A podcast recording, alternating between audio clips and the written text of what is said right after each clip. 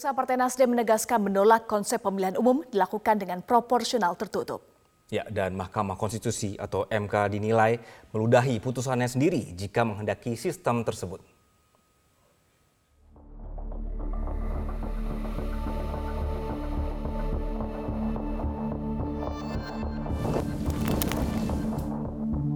Mahkamah Konstitusi diharapkan menunjukkan sikap kenegarawanan dalam memutus uji materi terkait usulan perubahan sistem pemilu dari proporsional terbuka menjadi proporsional tertutup.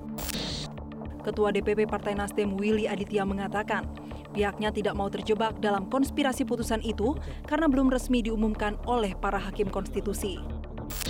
Namun ia meyakini sistem pemilu tidak akan menjadi tertutup karena sebelumnya pernah diputuskan terbuka. MK dinilai meludahi putusannya sendiri jika menghendaki sistem tersebut.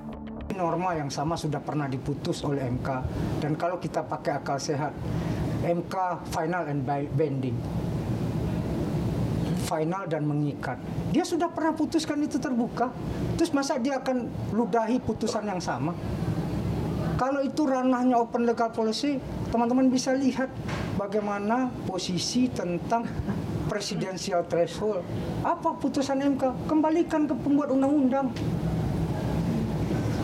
Jadi spirit ini terbuka lah. 8 partai lawan satu partai, sikap pemerintah dan sikap DPR sama, ini pemilu yang terbuka. Beberapa putusan MK sebelumnya telah mempertimbangkan kesiapan Komisi Pemilihan Umum KPU serta memperhitungkan kerangka waktu tahapan pemilu. Anggota Dewan Pembina Perludem Titi Anggraini berpendapat, Berdasarkan dinamika persidangan, gugatan uji materi Undang-Undang Nomor 7 2017 tentang pemilu yang sedang berjalan, MK akan menyerahkan sistem pemilu kepada pembentuk undang-undang. Jadi saya beranggapan bahwa uh, problem terbesar adalah kewenangan itu mestinya bukan diambil alih oleh Mahkamah Konstitusi, tapi merupakan kewenangan yang uh, dipegang oleh pembentuk undang-undang, tapi Mahkamah bisa memberi peran di dalam menegaskan rambu-rambu atau patokan di dalam mengambil pilihan sistem sehingga pembentuk undang-undang tidak tergelincir pada pilihan sikap yang otoriter, anti demokrasi atau kemudian menjauhkan diri dari kedaulatan rakyat. Yang kedua, ya. saya kira Baik. Mahkamah harus konsisten dengan putusan-putusan Mahkamah Konstitusi terdahulu yang mayoritas menempatkan uh, putusan soal pilihan variabel sistem pemilu sebagai kebijakan hukum pembentuk undang-undang. Hakim Konstitusi diharapkan bijak memberikan putusan. MK diyakini sangat mempertimbangkan bahwa perubahan sistem pemilu bakal berdampak pada banyak tahapan pemilu yang telah berjalan. Pemirsa politik Indonesia pernah mengalami masa kelam ketika kekuasaan rezim Orde Baru mengambil paksa kedaulatan partai. Mantan Wamenkumham Denny Indrayana khawatir kisah era Orde Baru ini berulang. Kali ini menimpa Partai Demokrat di mana Kepala Staf Kepresidenan Muldoko disebutnya gigih mengambil alih partai dari tangan Agus Harimurti Yudhoyono. Siasat mengusik Demokrat ini diduga pula berkaitan untuk menjegal pencalonan Anies Baswedan.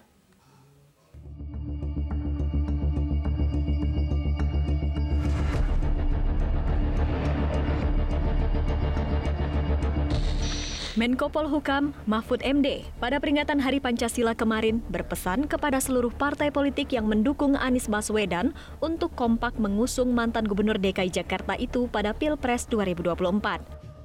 Menurut Mahfud MD, isu Anies yang akan dijegal oleh penguasa jelang Pilpres 2024 hanya sebuah isu politik jelang pelaksanaan pesta demokrasi. Tidak ada yang akan menjegal Malah saya katakan kepada dia, kamu harus usahakan di dalam berbagai forum agar uh, koalisi yang mendukung Anies itu kompak agar Anies dapat tiket gitu, tidak dijegal oleh internalnya sendiri. Kalau pemerintah tidak, persilahkan gitu. Kita lindungi hak-haknya. Tapi menurut mantan Wamenkumham, Denny Indrayana, pernyataan bahwa pemerintah tidak menjegal Anies dan kelompok yang mendukungnya adalah pernyataan di panggung depan. Tapi di panggung belakang terjadi manuver-manuver yang menjurus pada penjegalan yang tidak konstitusional. Hal ini tertulis dalam surat terbuka Denny kepada Ketua Umum PDI Perjuangan Megawati Soekarno Putri. Denny menceritakan tentang segelintir orang di lingkaran Presiden Jokowi yang ingin penundaan pemilu. Siasat penundaan pemilu di antaranya aksi mengusik kedaulatan partai. Denny belak-belakan mengenai siasat kepala staf kepresidenan yang berusaha mengambil alih Partai Demokrat dari tangan Agus Harimurti Yudhoyono. Uh, Pak Muldoko itu bukan orang Demokrat karenanya ini orang eksternal dan orang istana kebetulan orangnya Pak Jokowi. Nah, kenapa saya kaitkan dengan Bu Mega? Tentu kita tidak ingin sejarah dikuyok-kuyoknya partai di zaman Orde Baru PDI Megawati yang diambil oleh PDI Suryadi itu kan mengganggu kedaulatan partai. Karena itu saya masukkan ke dalam surat ini hmm. karena sekarang itu muncul lagi. Tidak mungkin orang tidak mengaitkan uh, keikutsertaan Pak Muldoko dalam pengambilan Partai Demokrat dengan Pak Jokowi karena ini kepala staf presiden. Menanggapi surat Denny, politisi senior PDI Perjuangan, Pandana Baban, menyebut surat Denny salah alamat kepada Megawati Panda menegaskan Ketua Umum Partai Demokrat harus langsung berbicara dengan Presiden Jokowi. Cepat selesai sederhana terang benderang, saya pikir bagus. Denny adviskan itu kepada AHY ketemu Presiden. Itu biar biar tidak bertele-tele ke sana kemari dengan tafsirkan lain-lain gitu loh. Dan kemudian juga apa itu ada artinya surat ini kuliah terus terang aja memang banyak ininya ya bahwa akan ada apa mana tadi yang koruptif kesepakatan di ruang gelap dan koruptif. Iya, di ruang gelap dan koruptif. Jadi kata-kata yang dipilih Denny ini kata-kata yang apa gitu loh, paten punya. Sementara itu, Sekjen PDIP Hasto Kristianto berharap Denny tidak terlalu berburuk sangka dan curiga. Hasto menegaskan sikap Megawati yang memastikan pemilu tetap berlangsung 2024 dan tidak ada penundaan. Jangan curiga berlebihan, jangan prejudice berdasarkan pengalamannya sendiri di masa lalu.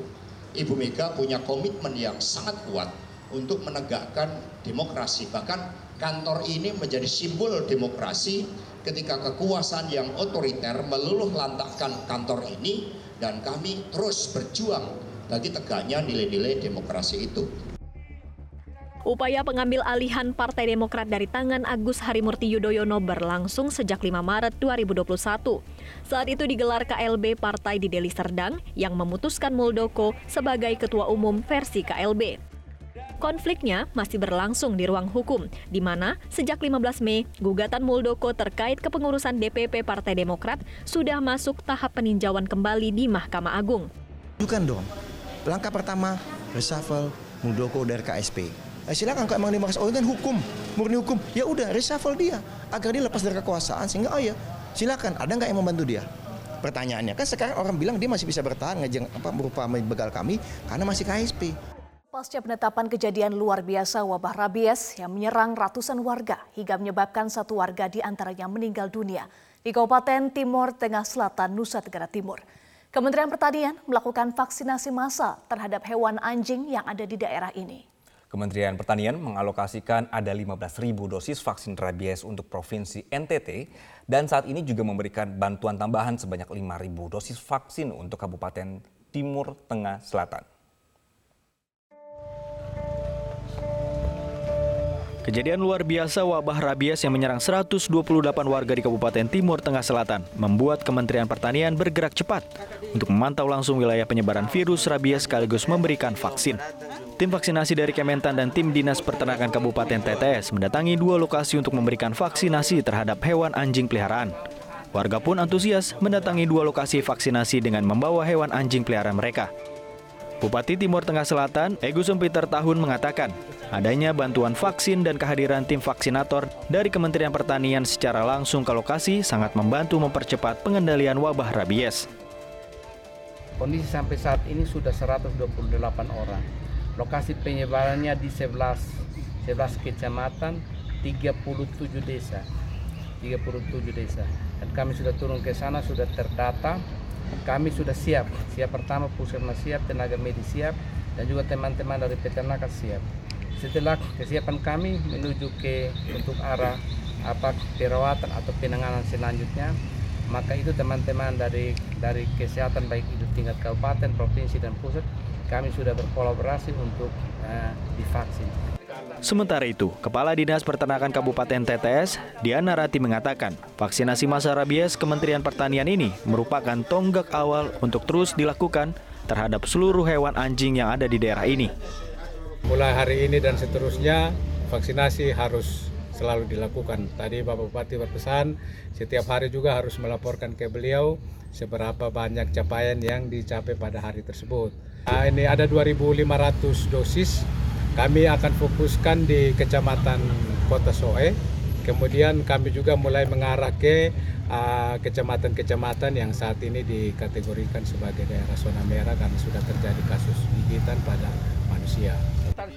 Kementerian Pertanian memberikan perhatian serius terhadap kejadian wabah rabies di daerah ini, sehingga Kementan melalui Dirjen Peternakan dan Kesehatan Hewan mengirimkan tim untuk melakukan pendataan sekaligus pencanangan vaksinasi massal ada pelatihan ya. Pelatihan, pelatihan ya, uh, tenaga-tenaga vaksinator karena memang dokter hewan di sini uh, kekurangan dokter hewan. jadi kita melibatkan uh, tenaga lainnya untuk melakukan vaksinasi. Tadi juga arahan dari Bapak Bupati untuk uh, percepatan vaksinasi. dengan kontrak 6 bulan ya.